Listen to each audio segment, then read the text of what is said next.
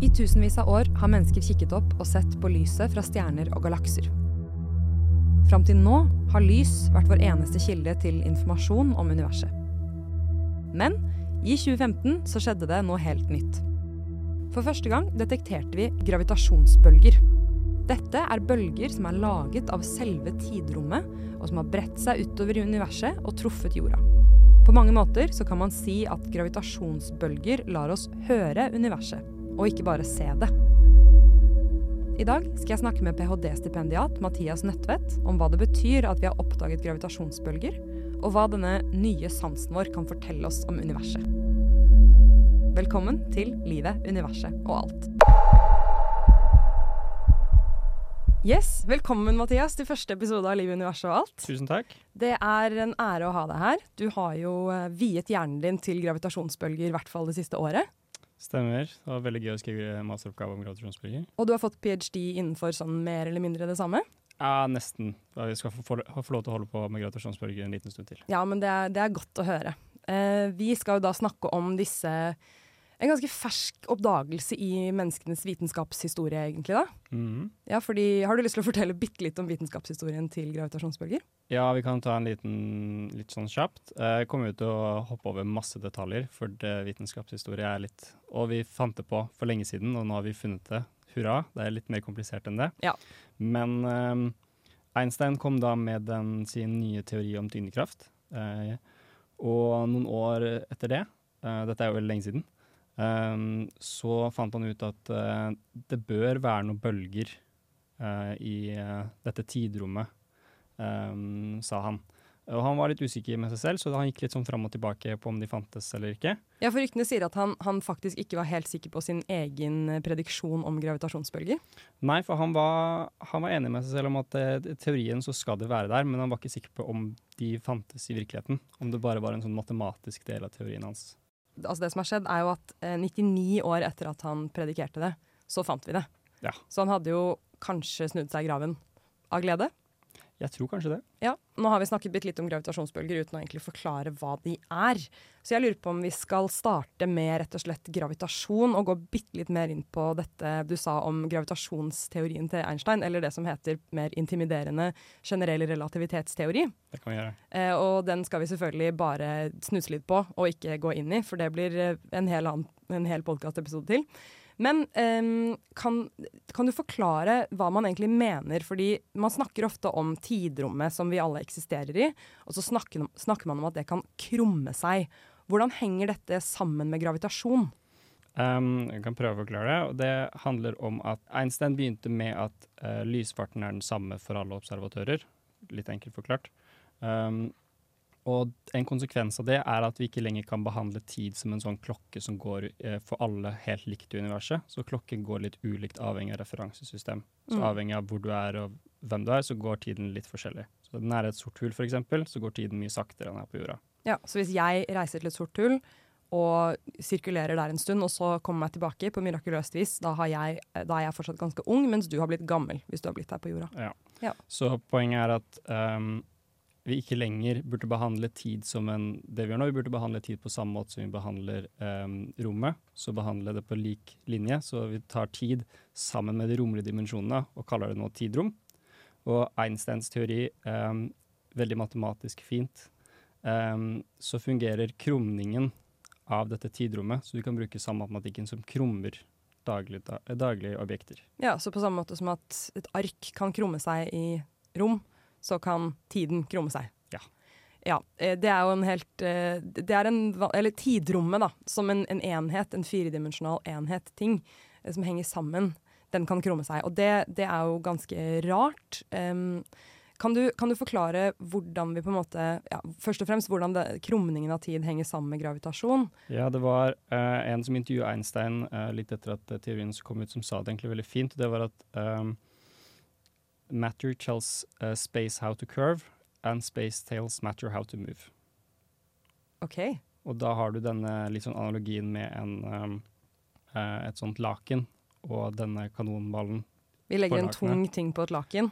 Og da får du krumning i dette lakenet, og så beveger ting seg på baner i krumningen Og slik kan vi på en måte En fin forklaring på hvordan uh, den generelle relativitetsteorien vi ser for oss, funker. Ja, så, så tunge ting, da, sånn som sola f.eks., de krummer tidrommet rundt seg. Mm. Eh, så før Einstein så tenkte man kanskje på gravitasjon som en sånn usyn, et usynlig tau mellom jorda og sola, f.eks. Mens nå så kan vi tenke mer at vi ligger i en slags skål av krumme tidrom som, eh, som er rundt sola. Ja. ja. Ja, men flott. Og når vi da kanskje klarer å se for oss på en måte at, at tidrommet kan krumme seg, da er det jo kanskje lettere også å se for seg bølger. Fordi hvis du ser for deg en bølge på havet, så er jo det som en slags krumning av havoverflaten, på en måte. Stemmer. Så når du sier det her med krumning av tidrom, så ser jeg på en måte for meg en sånn vandrende krumning av tidrommet. Er det det gravitasjonsbølger på en måte er? Ja, på en måte så er det det. Ja. Um, og hvordan oppstår de, da? Um, de oppstår uh, ved at vi har um, en sånn ikke-aksiell symmetri som roterer og akselererer på et eller annet vis. Ok, Men- så, så sola da, den er tung? Ja. Lager den gravitasjonsbølger? Nei, for den er sirkulær, så den lager ikke gravitasjonsbølger. Ja, OK. Aksiell symmetri. Ja. Eh, jeg vet faktisk hva det er, eh, og jeg har en analogi for å forklare det. Vil du høre? Ja, kjør på. Eh, så aksiell symmetri, det, det handler bare om om noe er eh, formet på en viss måte, som spinner, på en måte. Mhm. Så hvis du ser for deg en grillpølse som er satt på et spyd, og så spinner du spyddet, da har du aksiell symmetri. Så hvis den grillpølsa var sjukt tung, så ville den ikke lagd gravitasjonsbølger, uansett hvor tung den var og hvor mye den spant og sånn. Men setter du grillpølsa på tvers og spinner, da har du ikke aksiell symmetri. Så hvis den veier sinnssykt mye, den grillpølsa, da lager den gravitasjonsbølger. Stemmer. Men så er det jo ett problem, og det er at eh, det finnes jo ikke pølseformede, veldig tunge ting da, i universet. Nei. Så vidt vi vet. ikke. Men hvis du hadde tatt den pølsa, og så hadde du fjerna midten og lagt alt på endene, så hadde du fort fått en veldig fin modell for to sorte hull som går rundt hverandre. Ja, Det er en vakker måte å tenke på sorte hull, er det ikke det? Jo, som grillpølser. Ja, som de to endene av en gr Ja. grillpølse. ja. Eh, OK, så, så det som lager gravitasjonsbølger i vårt univers, det er to sorte hull som går rundt hverandre? Mm. Men en viktig detalj her er jo Ja, vi sier jo at eh, en, en- grillpølse hadde laget gravitasjonsbølger, så et godt spørsmål er OK, hvorfor merker vi ikke det i vårt daglige liv? Ja. Poenget her er jo at disse gravitasjonsbølgene er veldig veldig vanskelig å detektere. Også grunnen til at det tok oss nesten 100 år å finne de, selv om Einstein sa de kanskje fantes. Ja, fordi vi kan jo snakke om det, vi kommer nok tilbake til det også, hvor små de her egentlig er. Ja. Eh, ja, jeg, jeg vil egentlig spørre om en ting først, og det er uh, hvis jeg blir truffet av en gravitasjonsbølge her og nå, som er stor nok til at jeg kan se den og merke den, og jeg overlever, hvordan, hvordan vil det på en måte se ut for oss å bli truffet av en gravitasjonsbølge som er stor? Hvis en gravitasjonsbølge hadde truffet deg, og vi tar og liksom later som at den er stor nok til at vi klarer å se effektene, vi gjør egentlig ikke det, men hvis vi later litt som, uh, og den treffer deg rett, rett på ansiktet ditt, så hadde ansiktet ditt først blitt strekket ut i én retning, Som en hest? eh, ja, og så dyttet tilbake og strekt ut i den andre retningen. Som en padde? Ja. Nydelig. Og så den frekvensen, altså hvor, um, hvor lang tid det tar å bli strekt ut den ene veien før du blir strekt ut den andre veien, det er jo på frekvensen til gravitasjonsbølgen. Ikke sant? Den kan jo avhenge litt, da. Ja, for det skjer jo ikke én gang. Det blir på en måte strekk, flat, strekk, flat om Mm. hverandre et par ganger. da. Stemmer.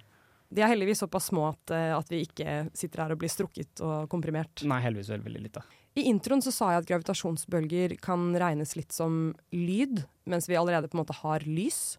Eh, kan du forklare litt mer hva den analogien egentlig handler om? Det handler om at nå har vi eh, Hovedmåten vi har sett på universet til nå, har vært at vi har fått lys fra stjerner eller andre steder i universet som har truffet jorda, og så har vi sittet her nede og sett på de. Eller med Hubble-teleskopet, da, så har vi sett det fra eh, verdensrommet, men vi har Mm. fortsatt sett på lys. Mens nå har du en eller annen type signal som kommer fra veldig veldig tunge og ekstreme objekter ute i universet og treffer oss her på jorda. Og de er bølger, sånn som lys også er bølger, men vi kan ikke se de med teleskopene våre lenger. Så vi trenger smarte og andre måter å detektere det på enn det vi har til nå. Uh, og jeg syns analogien med lyd er litt fin, fordi uh, hvis vi har liksom sittet uh, stille i eh, universet fram til nå kunnet sett, men ikke hørt noen ting. Og plutselig så har vi fått en ny sans, nå kan vi høre. Uh, I tillegg til at de uh, signalene vi har fått til nå, har um, uh, frekvens, gravitasjonsbølgefrekvens, som ligner litt på frekvensen til lyd, som vi kan høre her på jorda. Og det er ikke for å spoile, men det kan hende vi skal høre litt på gravitasjonsbølger senere i denne episoden. Um, men det er veldig fint, og det, det er jo litt poetisk at vi på en måte har gått fra å være døve for universet til å få hørsel. Mm. Og så er det vel nyttig også at vi kan både se og høre de samme astronomiske hendelsene, da. Ja, det hjelper jo en del, for da får du sjekka en del ting og sånn. Det å kunne både se og høre noe fra dagligdags opplevelser også, gjør jo at du er litt mer sikker på hva som skjer. Ja, og så er det jo visse ting man kan høre og ikke se. Ja. Som eksempel når to sorte hull krasjer. Som eksempel når to sorte hull krasjer. Mm. Um, ja, eh, siste spørsmål om kun gravitasjonsbølger er jo hvor fort går de? Ja, eh, godt spørsmål. Um, de viser seg at de beveger seg med lyshastigheter. Så når uh, to ja, si vi kunne sett sort hull, da. Vi kan på en måte, men to helt rene sort hull kan vi jo ikke se. for Poenget med sort hull. Hvis vi kunne sett de, så hadde vi kunne sett de og hørt de samtidig. Fordi de beveger seg like fort. Mm. Og det stemmer overens med det Einstein sa, eller? Ja, det var akkurat det Einstein sa. To sorte hull som går i bane rundt hverandre, de danner gravitasjonsbølger. Men er det noe annet enn sorte hull som også danner gravitasjonsbølger, som vi kan detektere her på jorda? Uh, ja, vi kan jo kun detektere de mest ekstreme objektene nå, for vi er jo helt nye til å klare å detektere disse gravitasjonsbølgene. Ja, Når du sier ekstreme, da mener du tunge?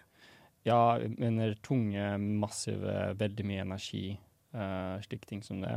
Uh, for nå så er det bare uh, to sorte hull som går rundt hverandre, eh, to nøytronstjerner som går rundt hverandre, eller et sort hull og en nøytronstjerne som går rundt hverandre. Ja, og Dette kalles binære systemer fordi de er gravitasjonelt bundet til hverandre. Stemmer. Jeg tror vi må snakke bitte litt om hvordan nøytronstjerner og sorte hull blir til. fordi det er jo ikke sånn at alle vet eh, Jeg tror de fleste har et forhold til sorte hull fordi de er creepy og grusomme objekter å tenke på. Ja.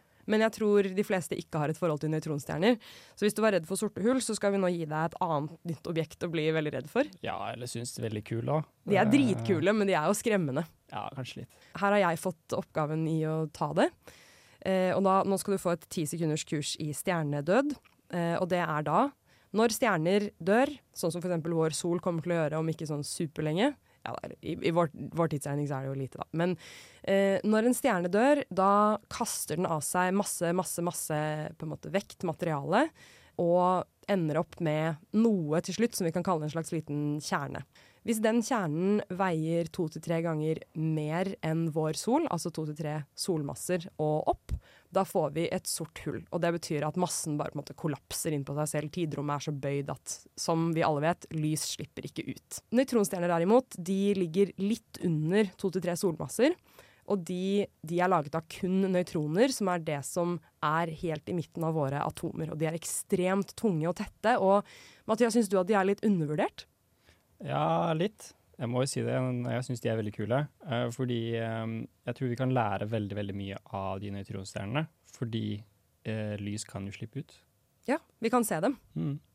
Kan vi se selve nøytronstjernen, eller ser vi noe annet? Nei, vi kan se selve nøytronstjernen.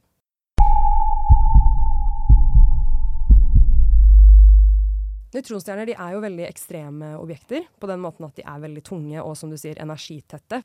Eh, en annen del av ekstremdelen er at de er veldig små. Ja, De er tunge, men veldig, veldig små. Så tette, da, på en måte. Ja. Hvor stor, hvor stor er en nøytronstjerne? Uh, cirka, vi sier at standard er uh, radius på ca. 10 km. Hvor langt er det? Um, jeg kommer fra Horten, uh, så hvis du tar Horten-Moss-ferja, så har du radiusen til en nøytronstjerne. Jeg lærte ganske nylig at eh, det er noe som heter spagettifisering, eh, som skjer hvis du nærmer deg et sort hull. Og det er at eh, det handler om at gravitasjonen er på en måte mye sterkere i La oss si at du går inn i et sort hull med beina først. Så er gravitasjonen mye sterkere i ved føttene dine enn ved hodet ditt. Som betyr at du, blir, du faller på en måte fortere i føttene enn du gjør i hodet. Og da blir du strukket ut, og derfor heter det spagettifisering. Men rundt en nøytronstjerne så er det også spagettifisering. Å ja. Og det handler jo om at den er veldig tung. Ja, altså vi, eh, vi sier at vi kan ikke bruke eh, den gamle nøytonske gravitasjonsteorien rundt en nøytronstjerne. I hvert fall ikke nært. Da må du bruke generell relativitetsteori, for der er det så ekstremt at det er samme type matematikk som de sorte hullene. Ja, ikke sant. Så i disse systemene hvor vi, har, vi kan ha to sorte hull, vi kan ha ett sort hull og en nøytronstjerne, og to nøytronstjerner som går rundt hverandre. Og har vi detektert alle disse tingene på jorda? Ja, vi har det. Uh, vi har bare en veldig ubalanse i hva vi detekterer av de ulike. Eh, så vi har mange, mange, mange, mange flere eh, sorte hull, sorte hull, enn vi har nøytronstjerne, nøytronstjerne og sorte hull, nøytronstjerne. Hvorfor det? Eh, jeg tror det, jeg vet egentlig ikke, jeg tror det er et godt spørsmål, men jeg tror det bare er mer vanlig Ja. at vi har flere av disse sorte hull, sorte hull. Eller så er det at detektorene våre er tuna inn på dette spekteret istedenfor de andre spektrene. Ja, for der kommer vi jo litt inn på dette med detektorer. Hvordan i alle dager klarer vi å måle at vi får en liten forskyvning nesten i tidrommet? Hvordan kan vi måle gravitasjonsbølger? Har du lyst til å forklare hva, hva var den detektoren som fant gravitasjonsbølger for første gang i 2015? Eh, det var den eh, LIGO-detektoren i, eh, i, USA. Og det er en sånn eh, interferometer, eh, heter det. Og det er rett og slett at de har um, De sender ut laser fra et sted, og så har de sånne Du kan se for deg klar dette på en god måte. To lange armer um, som settes uh, vinkelrett på hverandre. Og i starten av den ene armen så sender de ut en laser. Og midt i, litt etter at den laseren har beveget seg bitte lite grann, så splittes den laseren i to. Og den ene delen av laseren går ut i enden av den ene armen, mens den andre går ut i enden av den andre armen. Og så treffer de et speil i enden av begge armene før de møtes igjen der det ble splittet, og så blir de samlet igjen, og så inn i en detektor som da måler det lyset. Og håpet er at når gravitasjonsbølger går gjennom den detektoren her, så flytter den litt på samme måte som vi flytta ansiktet litt sånn strekt ut i stad. Så flytter vi eh, den ene armen litt opp, og så strekker vi den andre armen litt igjen. Og ved at vi har um, dekonstruert, liksom dekonstruert, av den laseren, så egentlig hvis ikke vi hadde noen gravitasjonsbølge, så hadde vi bare fått ingen signal. Ja, ok, fordi her er det snakk om destruktiv interferens. Stemmer. Ja. Så vil vi få et bitte, bitte lite signal som sier noe om at den ene armen ble flyttet bitte litt lenger, mens den andre ble strukket litt inn. Ja, så litt som at uh, når mitt fjes strekkes, så kan du si at uh, en del blir jo på en måte uh, komprimert, og en blir strukket. Så man måler på en måte det ja. med disse armene. Ja, fordi destruktiv interferens vil vel bare si at bølgetopp pluss bølgebunn er lik ingenting. Stemmer. Eh, og sånn fungerer jo noise cancelling, f.eks. Mm. Eh, så, så, destruktiv interferens bruker vi hele tiden. Og vi har vel da hele tiden destruktiv interferens fram til vi blir truffet av en gravitasjonsbølge her på jorda. Og da har vi ikke det lenger, så da får vi bitte litt lys. Bitte litt lys. Ja, fordi det første, det første gravitasjonsbølgeeventet vi hørte, var i 2015. Mm. Og det var i eh, bølgelengden til lyd. Det var det. Og rett etterpå, bare noen måneder senere, så hørte vi et nytt gravitasjonsbølgeevent. Eh, og det var også i lyttbar bølgelengde. Så vi skal høre litt på Vi skal høre litt på disse to aller første gangene vi hørte gravitasjonsbølger. Men um, aller først så tror jeg vi skal snakke bitte litt mer om hva det egentlig er vi detekterer når vi blir truffet av gravitasjonsbølger. Fordi nå ser vi for oss to sorte hull, og de spinner rundt hverandre. Er det det vi måler? Måler vi bare en konstant bølge som bare kommer mot oss, eller er det noe annet vi egentlig måler? Uh, vi måler den bølgen, uh, men um, nå har det seg slik at den eh, frekvensen øker når de går nærmere hverandre. Eh, I tillegg til at eh, måten det signalet um, blir dannet på, så blir også styrken på signalet blir sterkere jo nærmere de kommer hverandre. Disse to, uh, disse to sorthullene. Kan man si at bølgetoppen blir høyere? på en måte? Amplituden blir høyere? Stemmer. Akkurat. Ja. Um, så et signal vi ville forventet, er at du får um, en slags bølge, en sånn sinusbølge. Bare går sånn opp og ned. Opp og ned. Samme amplitude hele tiden i starten, i hvert fall veldig lik. Uh, og så blir den høyere, og så blir frekvensen høyere, og begge to de blir høyere samtidig. Fram til det plutselig sier stopp, fordi de smelter sammen, disse sorthullene. Ja, så de, de går fortere og fortere nærmere og nærmere hverandre, mm. og så pang, så ja. er de ett sort hull. Stemmer. For dere som ikke er eh, så veldig vant til å snakke om lyd som bølger, så har jeg laget et bitte lite lydbølgekurs. Eh, det har ikke Mathias hørt heller, så eh, buckle up. Lyd er bølger, og bølger de har frekvens.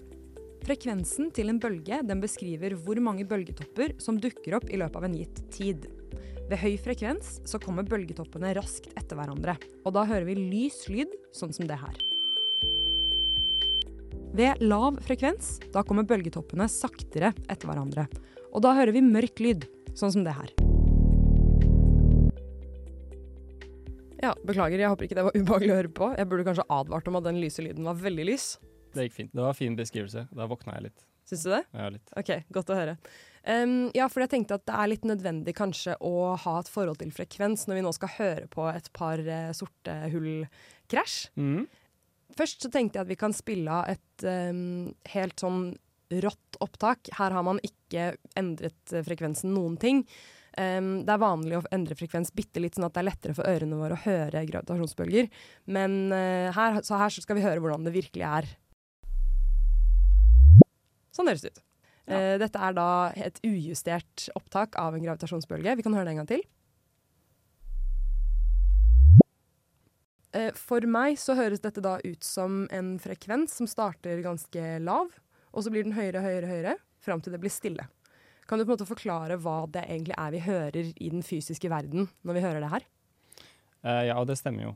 Eh, fordi det vi hører, er den siste delen før de smeller sammen, disse to sorthullene. Eh, og det, er, det vi hører, er jo det signalet at det ehm, De går rundt hverandre, og de går fortere og fortere rundt hverandre på, i den siste delen før de merger sammen. Og da blir frekvensen liksom høyere. Ja, da blir frekvensen høyere. Uh, I tillegg til at amplituden uh, til signalet også blir sterkere. Mm. Uh, og grunnen til at man er liksom, dette var en veldig fin måte å datere gravitasjonsbølger på, er fordi vi forventer et signal som er veldig unikt. Og det signalet er en høyere frekvens som øker før den faller til ingenting. Og det er jo det vi hører, for det er derfor vi hører dette plopp, er da de smeller. Og så er det stille. Og den stillstanden, det er bare et nytt, eh, et nytt sort hull med aksiell symmetri, da. Ja. Som ikke lager gravitasjonsbølger. Mm. Eh, vi har jo snakket litt om hva vi egentlig hører, men jeg tenkte at det kan være greit å sammenligne litt. Så her har jeg med to lydklipp fra de aller første gravitasjonsbølgehendelsene som vi detekterte. Den første detekterte vi, vi som om det var meg som gjorde det. De flinke forskerne på LIGO de eh, detekterte den første gravitasjonsbølgehendelsen i 2015, den 14. september. Og bare noen måneder senere, den 26. desember, altså første juledag samme år, så detekterte de en ny gravitasjonsbølge.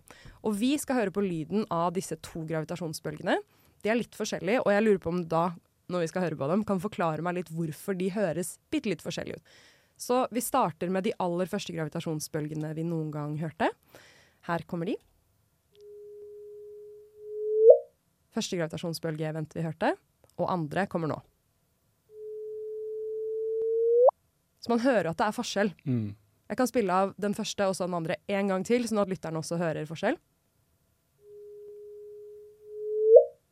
Og For meg så høres eh, forskjellen ut sånn her. På den første så virker det som vi har en mørkere tone og en, en kortere tone før det sier stopp. På den andre så har vi en lysere tone som varer litt lenger før det sier stopp. Kan du forklare meg hva som er forskjellen her? Uh, det, det stemmer ganske godt, det du sier nå, uh, med den lyse og litt lenger.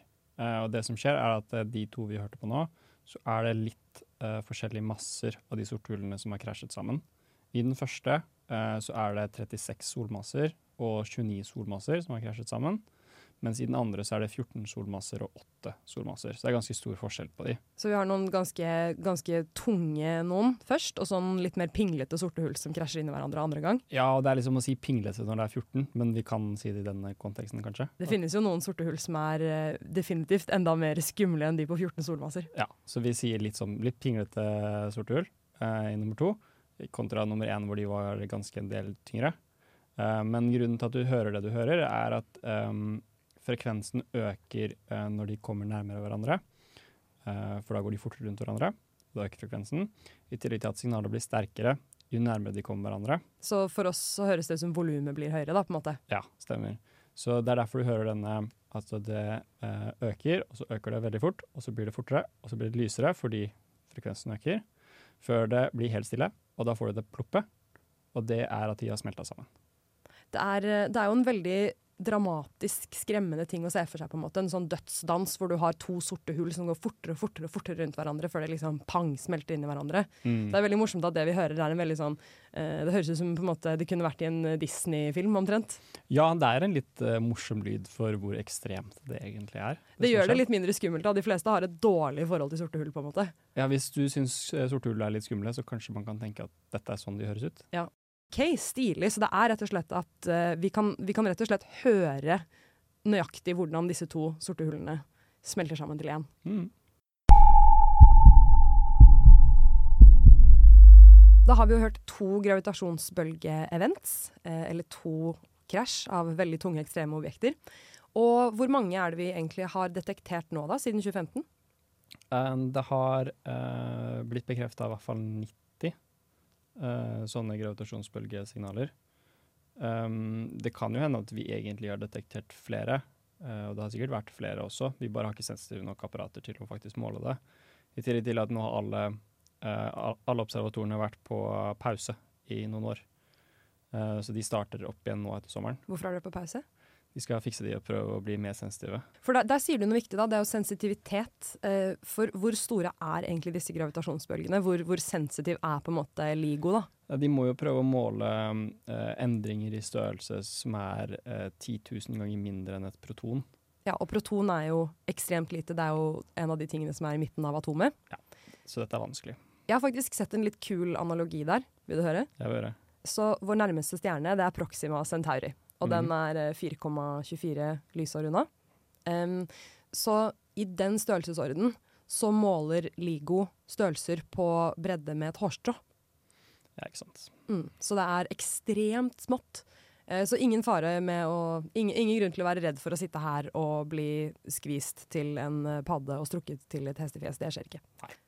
Men det er ikke bare ved hjelp av interferometri at vi har detektert gravitasjonsbølger. For nå, senest nå i juni 2023 så var det en helt ny metode som ble brukt til å finne en annen type gravitasjonsbølger. Det er jo megaaktuelt. Har du lyst til å fortelle litt om hva det var for noe? Ja, det var noen veldig smarte folk som klarte å bruke uh, Det er egentlig ikke en så ny idé heller.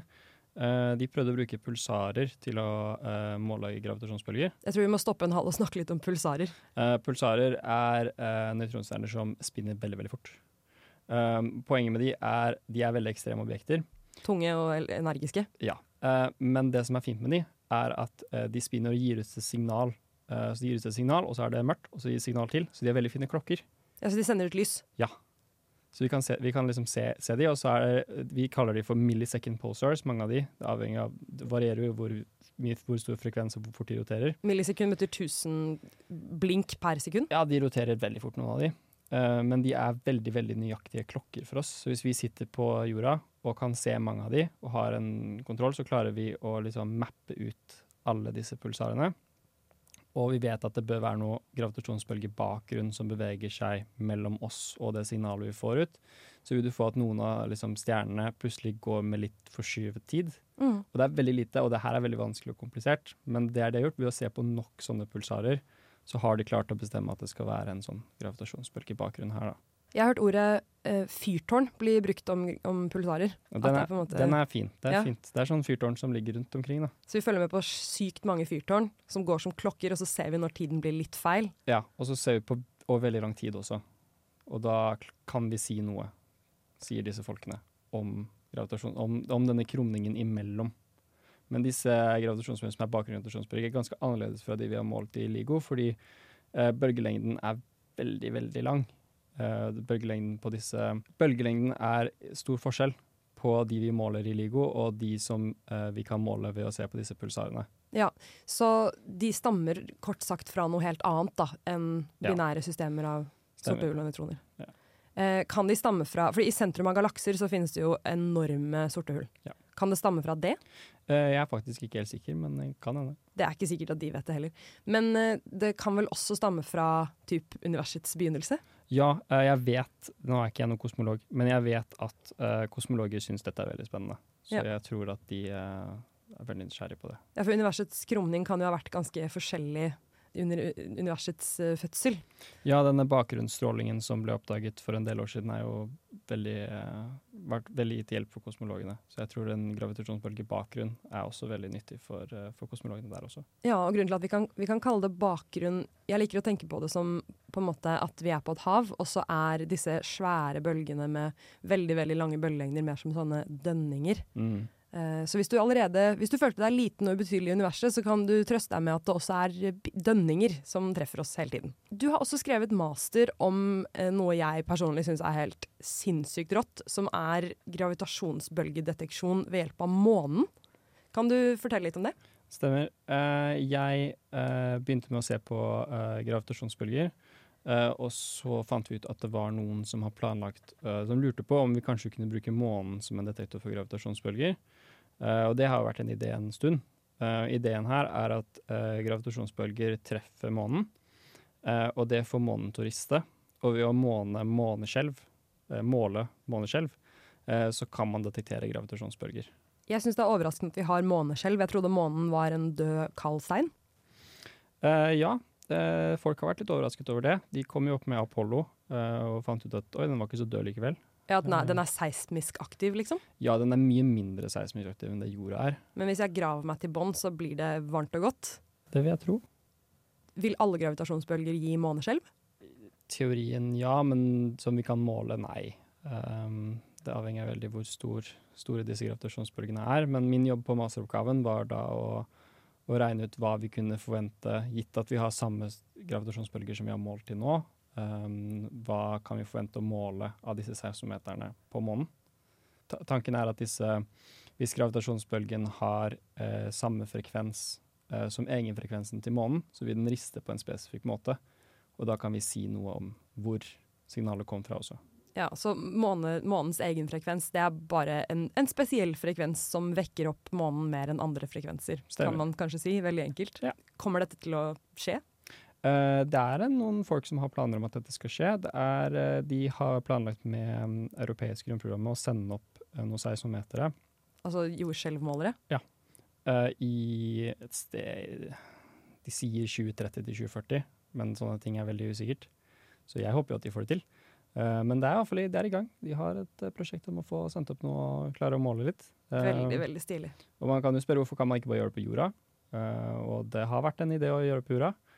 Det var sånn jeg regna ut ting, var å prøve å gjøre det på samme måte som en fyr som hadde regnet ut jorda. Så du kokte noens master? Absolutt. Ja, for det er, jeg har en teori om at ingen mastere eh, er ikke kokt.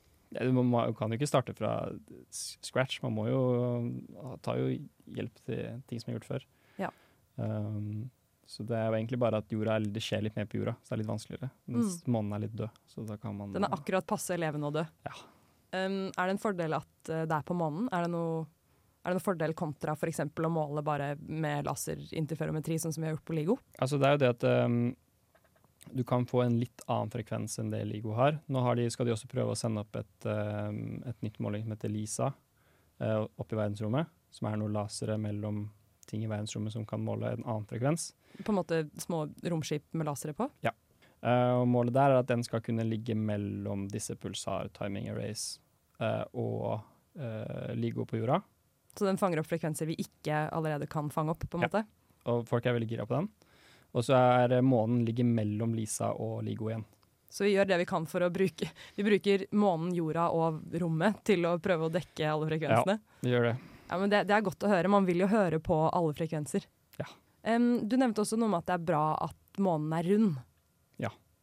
Eh, det har med at ehm, når vi måler gravitasjonsbølger nå, så kan vi ikke egentlig si så veldig mye om hvor de kommer fra.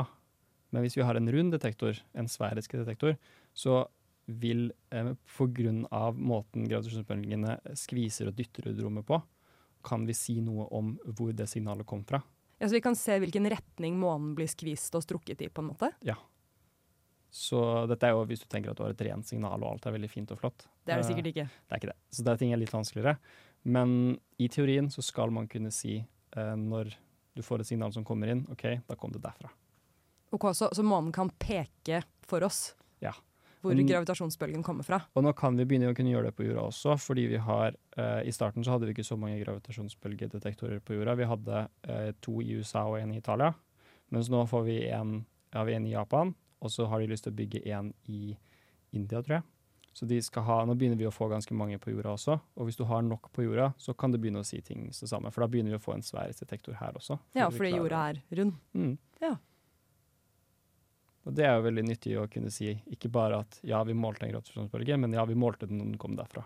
Ja, og i hvert fall når man skal begynne å, å se med både fotoner og med gravitasjonsbølger. Når du skal ja, både se og høre samtidig, da, om du vil, Mm. på, på store astronomiske hendelser. Ja.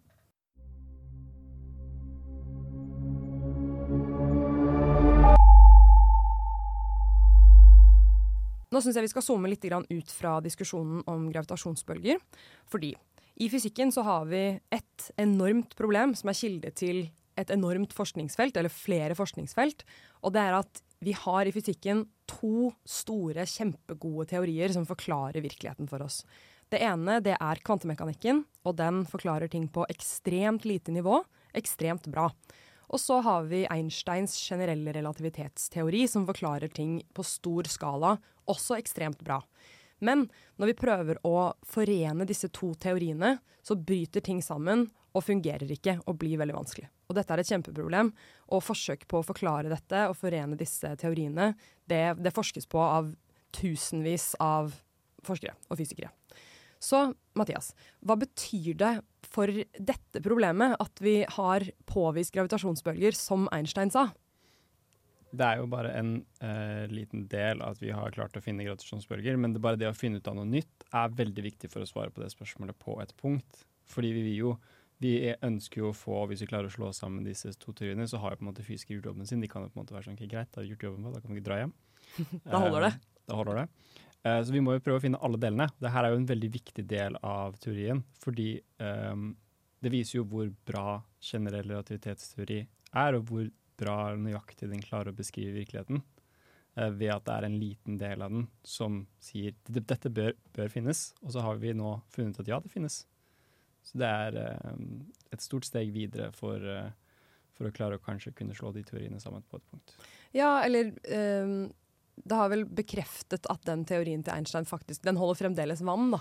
Ja, og det er jo litt av kanskje problemet da, for en del fysikere, er at du har to teorier som ikke egentlig helt leker med de samme reglene. Uh, men likevel, hver gang vi gir en av de en utfordring, så de, tar de den på strak arm. De ja, Med mindre det er å, å bruke, brukes på hverandre, da. Ja.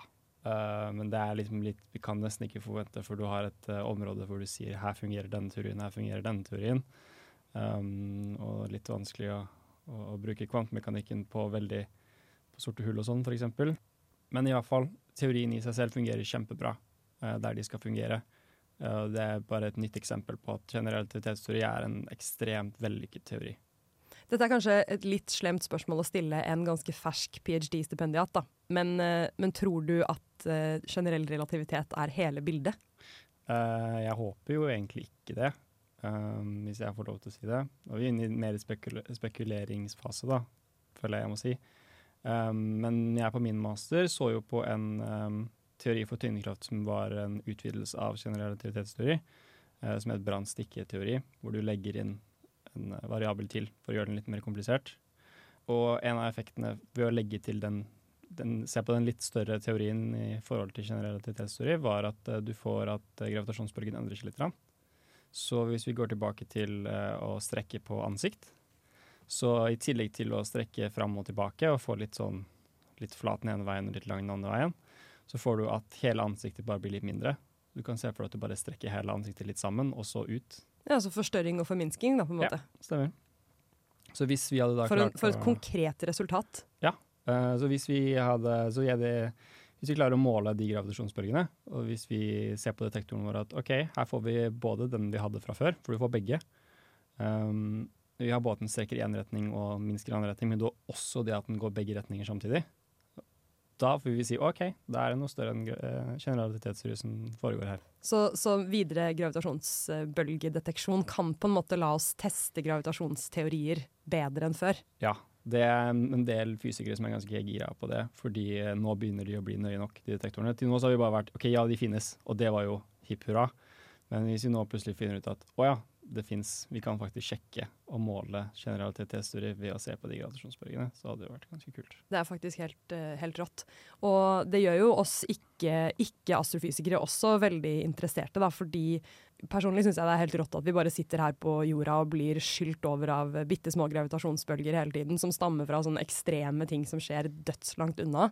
Bølger som reiser kjempelangt. Det er jo dritkult. Mm. Og faktisk um, så har LIGO, altså denne detek detektoren vi har snakket om, den har en egen uh, app som, kan, uh, som spiller av lyden av en gravitasjonsbølge hver gang vi blir truffet av en. Så da kan du sitte i møte på jobben eller forelesning på skolen, og så kan du få et lite whoop, inn på telefonen din, og da vet du at du har blitt truffet av en gravitasjonsbølge. Mm. Det er noe jeg personlig ikke vil ha, fordi jeg syns at det er forstyrrende. Men det er jo noe du kan tenke på om du vil ha når du hører på den podkasten her. Det er kult at det finnes. Det er kult at det fins. Det er bra de har lagd eh, appen. Vi har vel egentlig bare ett spørsmål igjen. Vi nærmer oss eh, slutten, Mathias. Men mitt siste spørsmål er hva er det du håper at vi skal oppdage ved hjelp av gravitasjonsbølger? Mm, Jeg håper jo at vi oppdager noe helt nytt. Det hadde jo vært det gøyeste. Uh, og for min del, siden jeg har jobbet litt med det fra før, så håper jeg at vi kanskje klarer å finne en ny polarisering i de gravitasjonsbølgene. Så du heier på din egen gravitasjonsteori som du har jobbet med? Jeg må nesten det litt. Ja, det Ikke nødvendigvis den, det kan godt være en annen teori som gir uh, Det må ikke være den uh, teorien for tyngdekraft, det kan være en annen. Men en, eh, at vi hadde funnet en ny teori for tyngdekraft ved gravitasjonsbølger, det hadde vært veldig veldig kult. Da håper jeg det skjer, uten at den teorien har altfor uh, fæle konsekvenser for oss som lever her nå. Nei, nei, den er veldig fin. Jeg Den er fin? Ja, ja. OK, eh, det er godt å høre. Eh, vi kan jo lage en ny podkastepisode om hvorfor den teorien er fin. Men eh, nå syns jeg nesten vi kan eh, si takk for oss. Tusen, tusen takk for at du ville komme og snakke om gravitasjonsbølger her i dag. Takk for at jeg fikk lov til å komme. Yes. Ha det. Ha det. Du har lyttet til Livet, universet og alt. Hvis du har et tema du vil at vi skal snakke om, eller hvis du er ekspert og gjerne vil snakke om ditt tema, så kan du ta kontakt på Instagram Livet, universet og alt. Liv, universet og alt i ett ord. Takk for at du hørte på.